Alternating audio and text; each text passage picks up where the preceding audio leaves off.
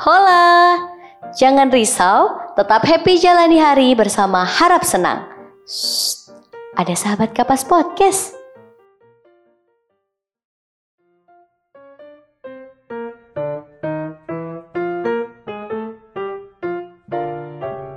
Hai, apa kabar? Selamat bergabung di Harap Senang Ada Sahabat Kapas Podcast. Selamat mendengarkan.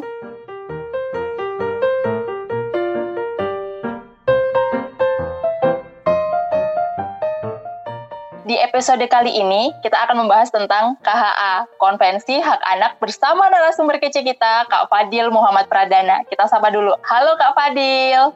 Halo Kak Uti dan teman-teman pendengar podcast Sahabat Kapas semuanya. Senang banget hari ini bisa ketemu dan menyapa teman-teman semuanya. Salam kenal. Salam kenal juga. Oke, bagaimana kabarnya Kak Fadil? Kabarnya Alhamdulillah luar biasa. Hari ini semangat sekali untuk uh, menyambut podcast pertamanya Sahabat Kapas nih Kak. Jadi tetap semangat. Iya, semoga semangatnya tetap menular ya karena bahasan kita akan sangat menarik nih. Yang lebih menarik lagi, Kak Fadil ini udah berpengalaman di bidang KHA, Konvensi Hak Anak. Dia, kalau kamu udah, ini ya Kak Fadil sudah berkecimpung di KHA ini sejak tahun 2015, dari menjadi junior fasilitator sampai senior fasilitator di tahun 2016, dan sekarang, apa, 2018 sampai sekarang ini bergerak di Bentala Langit untuk mengkonsep, mengorganisir, dan mengelola proses pembelajaran pemenuhan hak anak berbasis HAM menarik banget nih. Aku jadi ingin ngobrol sedikit banyak sama Kak Fadil tentang kita tahu ya Kak sekarang kan masih masa-masa pandemi yang bahkan sudah pandemi Covid yang bahkan sudah masuk ke endemi gitu ya Kak ya. Betul betul.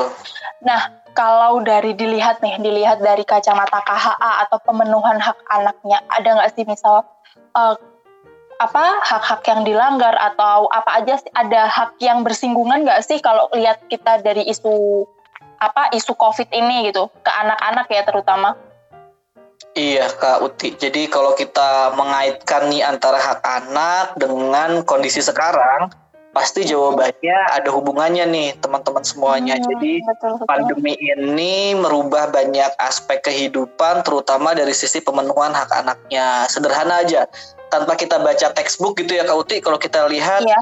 Uh, dulu mana kepikiran kita di situasi pembelajaran jarak jauh kayak gini semuanya serba laptop uh, gadget serba virtual sedangkan tidak semua anak-anak punya akses akan alat elektronik atau internet yang memadai gitu itu itu baru dari satu hmm. aspek tuh Kauti baru dari aspek yeah. pendidikan ya belum dari aspek kesehatannya aspek pengasuhannya hak hak sipil dan kebebasannya wah itu masih banyak banget uh, yang bersinggungan antara kondisi sekarang dengan pemenuhan hak anak. Jadi kalau ditanya apakah terganggu, jawabannya ya sangat terganggu karena um, aku pikir nggak ada negara di dunia pada saat itu yang siap menghadapi pandemi COVID seperti ini.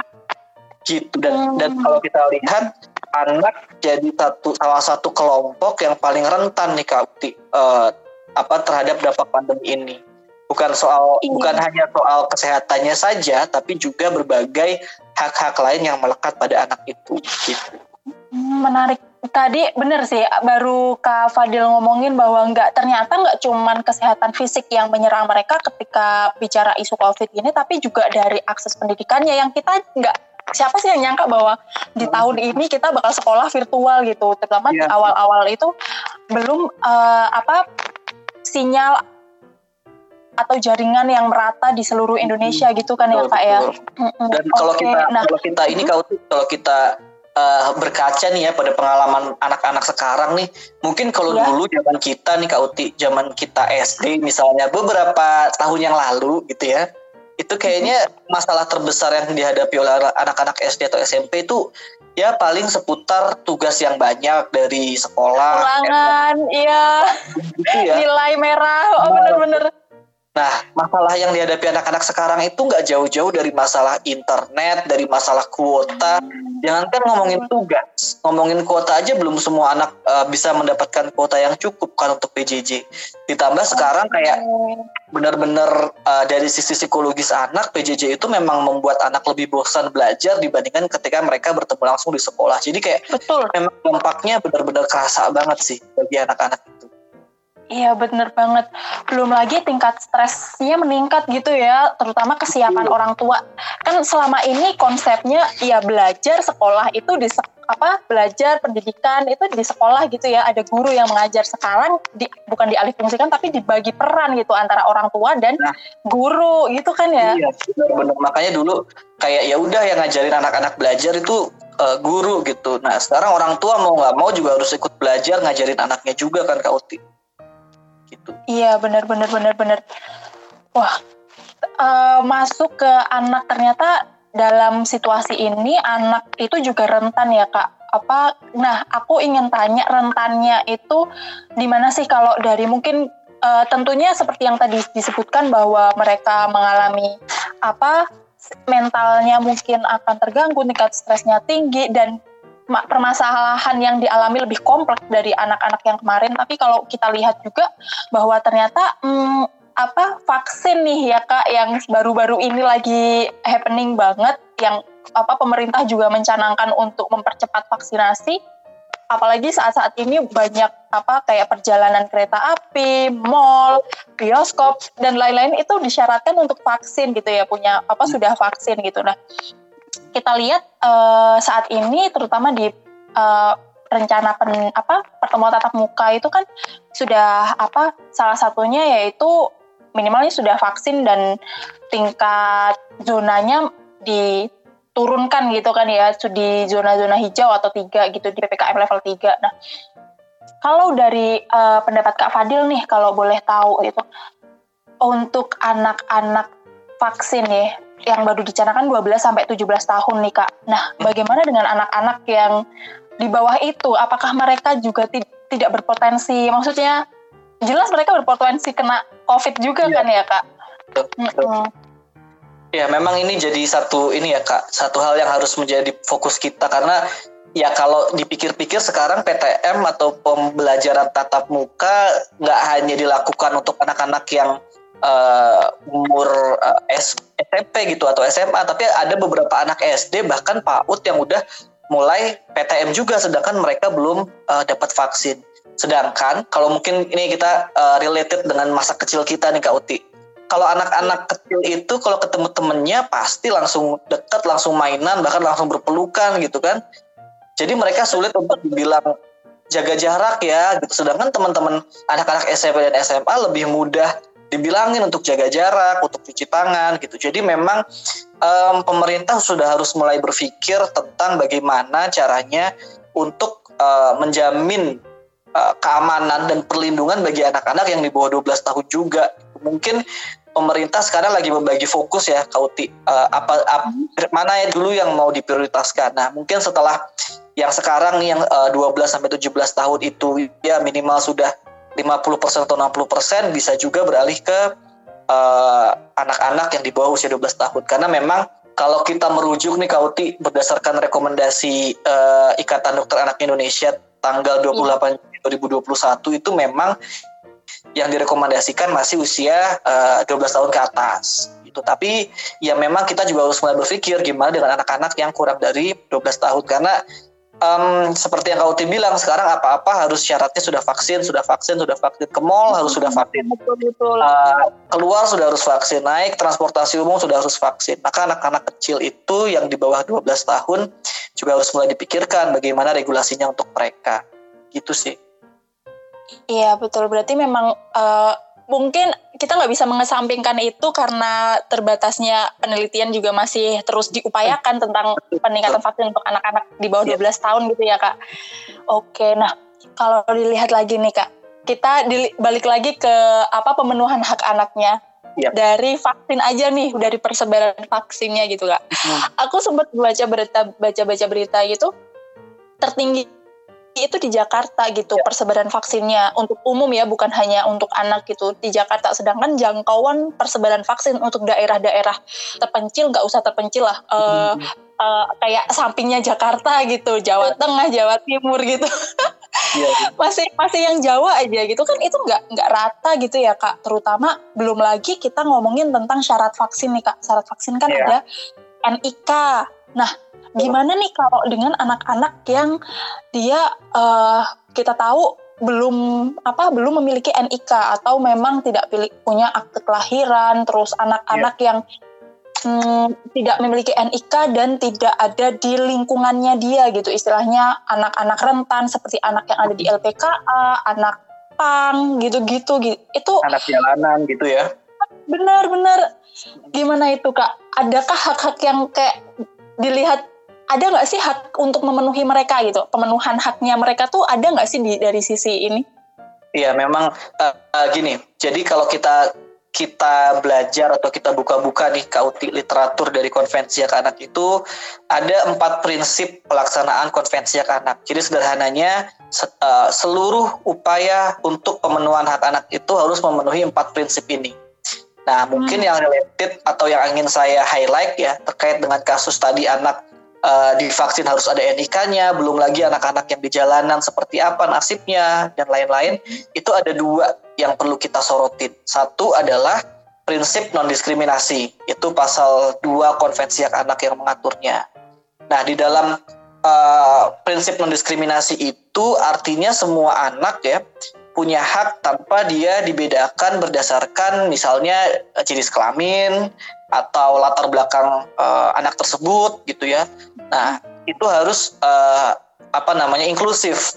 Nah, memang sekarang menjadi masalah nih ketika ada anak-anak yang seperti Kak Uti bilang uh, dia belum ada NIK-nya atau anak-anak di jalanan atau anak-anak di LPKA yang tidak mendapatkan akses untuk vaksin. Makanya uh, kita kembali lagi merujuk ke pasal 3 konvensi hak anak bahwa vaksin ini harus diniatkan untuk hmm. kepentingan terbaik bagi anak.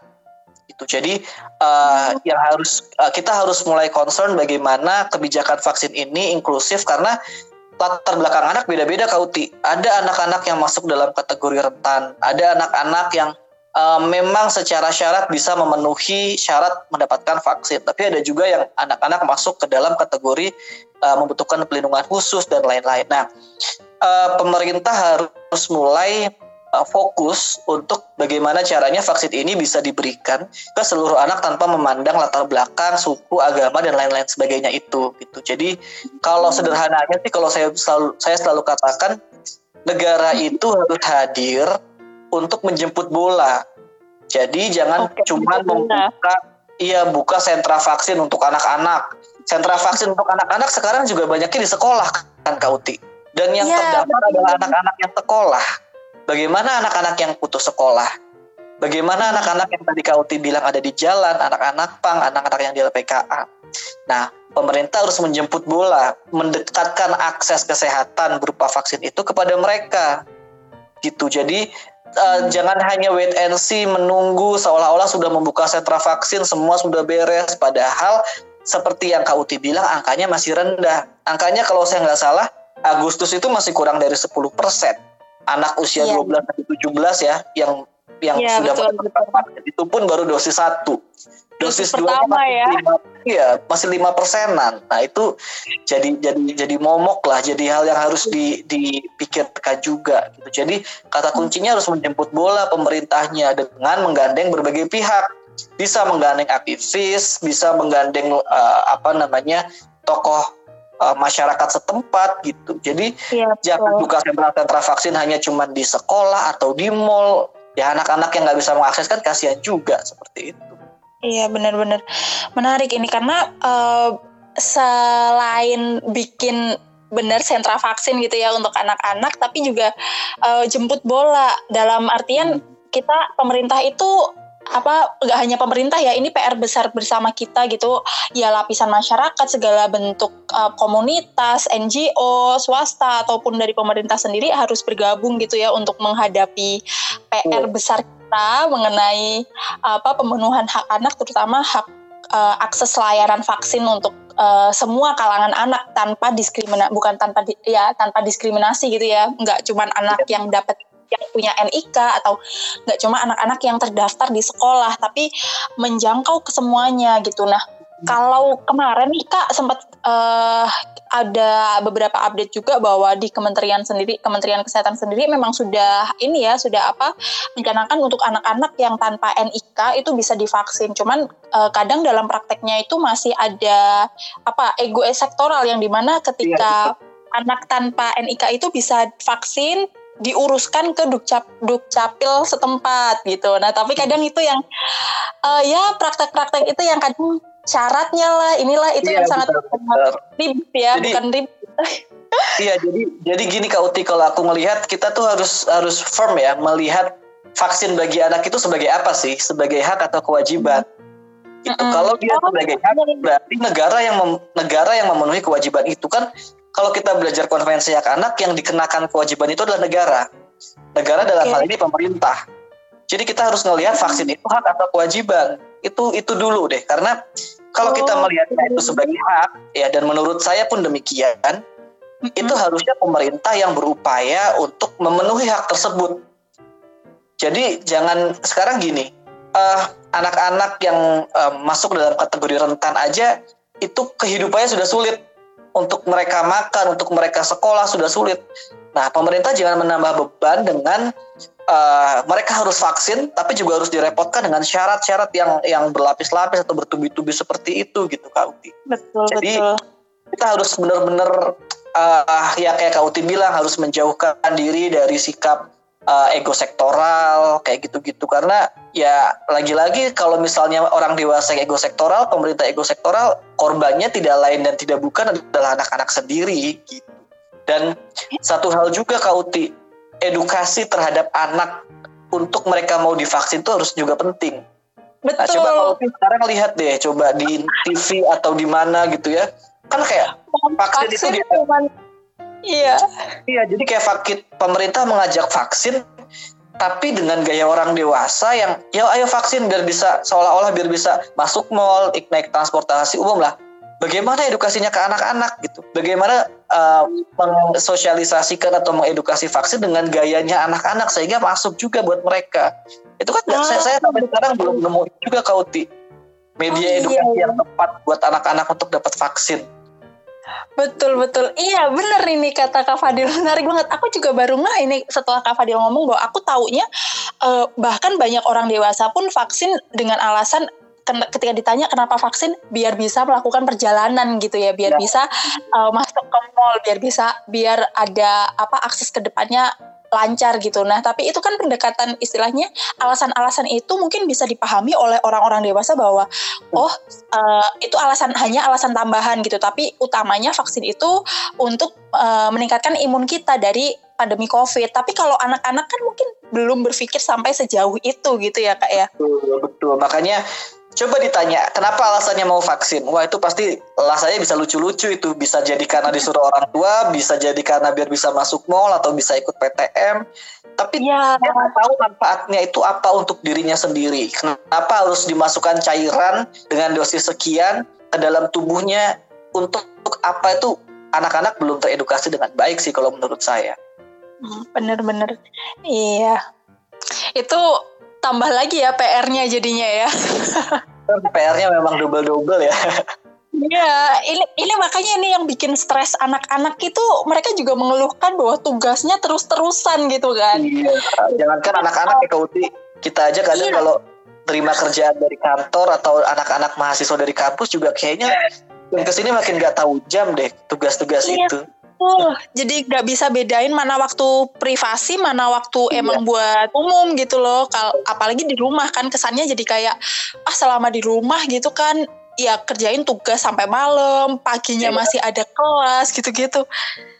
Ini nah, ini masuk lagi nih selain vaksin itu untuk kesehatan akses layanan ya kalau dari Kak Fadil tadi pemenuhan hak bahwa vaksin itu hak dan kewajiban pemerintah nih untuk memenuhinya um, kita lihat juga dari kacamata ini kak apa uh, sisi psikologisnya anak atau akses layanan untuk anak-anak lain. Misal untuk anak-anak difabel gitu eh disabel gitu ya kak disabilitas. Bahwa aku masih belum mengerti nih. Aku kan ingatnya oh kita ternyata anak seusia remaja gitu ataupun kita aja terdampak sangat luar biasa, nggak bisa keluar rumah, nggak bisa bersosialisasi. Nah, gimana nih kak untuk pemenuhan hak hak anak disabilitas? Ya, jadi kalau kita uh, diskusi soal bagaimana dampak psikologisnya dulu nih Kak Uti, itu pasti mm-hmm. anak-anak mm -hmm. amat sangat merasakan. Um, sebenarnya yang membuat kita semakin parah atau semakin stres itu adalah uncertainty-nya ketidakpastiannya kapan sih ini pandemi ini selesai, kok nggak selesai selesai. Nah itu yang membuat kita jadi semakin stres. Nah gimana dengan anak-anak ya? Kan anak-anak memang uh, waktunya dia bermain-main, mengenal dunia luar, tapi mau nggak mau karena pandemi ini quotes unquote harus dikurung di rumah karena situasi tidak memungkinkan. Nah itu membuat sisi psikologisnya benar-benar terganggu. Kalau orang tuanya nggak pinter-pinter untuk me mengalihkan perhatian anak atau mengisi waktu luang anak dengan hal-hal yang kreatif, ya anak-anak itu akan akan merasa bosan dan itu akan mengganggu psikisnya. Apalagi kalau itu berkaitan dengan anak-anak disabilitas. Konvensi hak anak sendiri secara uh, detail ya, secara jelas mengatur soal hak itu yaitu di pasal 23 Konvensi Hak Anak soal anak disabilitas atau uh, kita mengenalnya dengan istilah anak berkebutuhan khusus karena memang ada kebutuhan-kebutuhan khusus yang mereka butuhkan. Jadi kalau kalau kita bandingin misalnya Kauti teman-teman uh, eh, ABK ini justru mengalami kerentanan uh, yang lebih berat lagi dibandingin yang lainnya. Contohnya kayak misalnya ya di uh, sekolah-sekolah SD, SD, SMP, SMA umum uh, mungkin mereka terbiasa bisa menggantikan PTM dengan PJJ, dengan virtual Zoom, iya. dengan uh, Google Classroom dan lain-lain.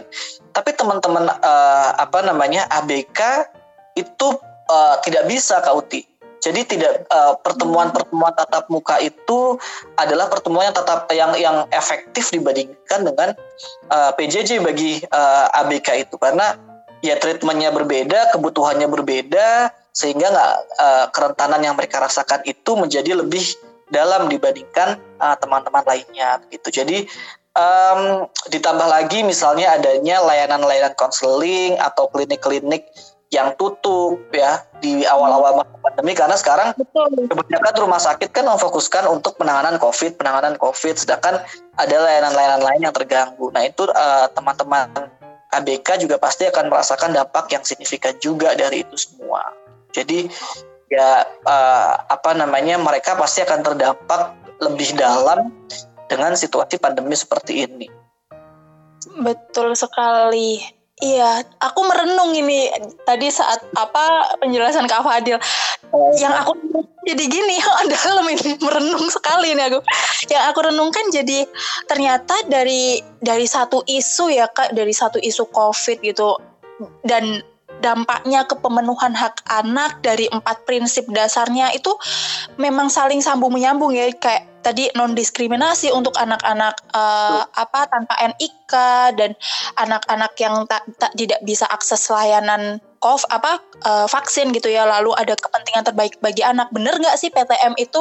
Kepentingan terbaik bagi anak bener nggak anak uh, atau di istilahnya kayak dikurung gitu dibiarkan tetap di rumah tanpa uh, aktivitas karena nggak semua orang tua kita tahu yang uh, well educated gitu ya untuk bisa memenuhi pendidikan mereka atau kekreativitasan uh, dalam apa namanya pendidikan-pendidikannya gitu ya kak. Jadi hmm. dari terus belum lagi hak tumbuh kembangnya mereka ini yang sangat berdampak ya kayak ah, kita tahu kan anak-anak kan lagi lagi banyak seneng gerak gitu lah ya seneng bersosialisasi main kelereng kalau zaman dulu. Ya, Sekarang berarti kan alihnya ke online paling pol-polnya ke game-game online gitu. Ya, nah Terus ada lagi uh, apakah eh, anak-anak uh, ini juga ada menghormati pandangan anak. Berarti satu isu ini dilihat dari pemenuhan haknya, dilihat dari KHA-nya itu benar-benar holistik. Aku lihatnya itu kita nggak bisa bahas satu kasus itu dengan satu pasal tok dalam KHA atau lihat oh oh ini nyinggung hak kesehatan aja nih gitu. Ternyata nggak cuma kesehatan fisik tapi juga kesehatan mental, akses layanan apa kesehatan mereka, belum lagi untuk anak-anak yang tiba-tiba menjadi yatim piatu gitu ya ya kak ya hmm, betul betul betul hmm. jadi kalau kita kalau kita lihat nih uh, kak Uti ya memang kita nggak bisa melihat hak anak itu secara parsial atau secara satu persatu. Oh hak pendidikannya udah terpenuhi, uh, hak pendidikannya udah terpenuhi nih, itu sedangkan hak kesehatannya belum. Atau misalnya uh, hak pengasuhannya udah terpenuhi, eh ternyata hak pelindungannya belum. Jadi memang kita, seperti yang Kak Uti bilang, melihat konvensi hak anak itu kita harus melihatnya secara holistik. Jadi yang uh, yang apa namanya yang harus digarisbawahi konvensi hak anak itu memberikan jaminan pemenuhan hak kepada anak secara menyeluruh secara uh, apa secara holistik dan melihat anak sebagai manusia secara utuh dan itu memang kalau dalam KHA uh, dikenakan kewajibannya kepada negara dalam hal ini pemerintah. Tapi kalau dalam studi yang saya pelajari, Kauti dalam studi ilmu politik, ya. negara itu tidak hanya terdiri dari pemerintah, tapi juga stakeholder lain termasuk masyarakatnya. Makanya mungkin kita uh, pandemi ini mengajak kita, mendorong kita, memotivasi kita, mengingatkan kita agar kita bisa bersama-sama bergandengan tangan untuk turut serta melakukan pemenuhan hak anak mulai dari lingkungan sekitar, kanan kiri, depan belakang rumah kita atau saudara kita, baru kemudian dalam lingkup yang lebih luas. Itu sih. Jadi kita tuh harus ngambil pesan-pesan moral dari setiap kejadian yang kita hadapi, termasuk dengan adanya pandemi ini. Jangan kita biarkan pandemi lewat begitu saja tanpa ada pelajaran berharga yang bisa kita ambil. Itu kautik. Bener, karena kita juga termasuk sosok apa pelaku sejarah dalam pandemi COVID ini ya kalau kita lihat ke depannya. Iya, Oke, okay, terima kasih Kak Fadil. Ini seperti yang tadi Kak Fadil bilang kita nggak akan uh, bisa bahas ini secara langsung dan Betul. dalam waktu yang singkat gitu ya. Kita akan bahas ini sangat sangat perlahan dan uh, pelan-pelan gitu. Makanya teman-teman sobat-sobat podcast harap senang ada sahabat kapas podcast. Jika ingin info lebih lanjut, lebih banyak tentang kami, tentang sahabat kapas dan Kak Fadil di Bentala Langit, teman-teman bisa mampir di webs kami sahabatkapas.org atau follow Instagram sahabat kapas yaitu di @sahabatkapas dan kalau di Bentala Langit apa nih Kak Instagramnya? Nah, Instagram okay. kami ada di @bentalangit.institute. Jadi teman-teman okay. bisa mampir juga ke situ. Ya betul betul karena akan banyak bahasan di sana dan tentunya uh, ini bukan akhir dari podcast ini karena nantinya kita akan adakan podcast podcast atau edisi edisi lain mengenai konvensi hak anak. Oke okay, saatnya betul ya kak. Jadi Saatnya kami pamit undur diri sampai bertemu di Harap Senang ada Sahabat Kapas podcast selanjutnya. Terima kasih Kak Fadil, terima kasih teman-teman. Bye. Thank you semuanya.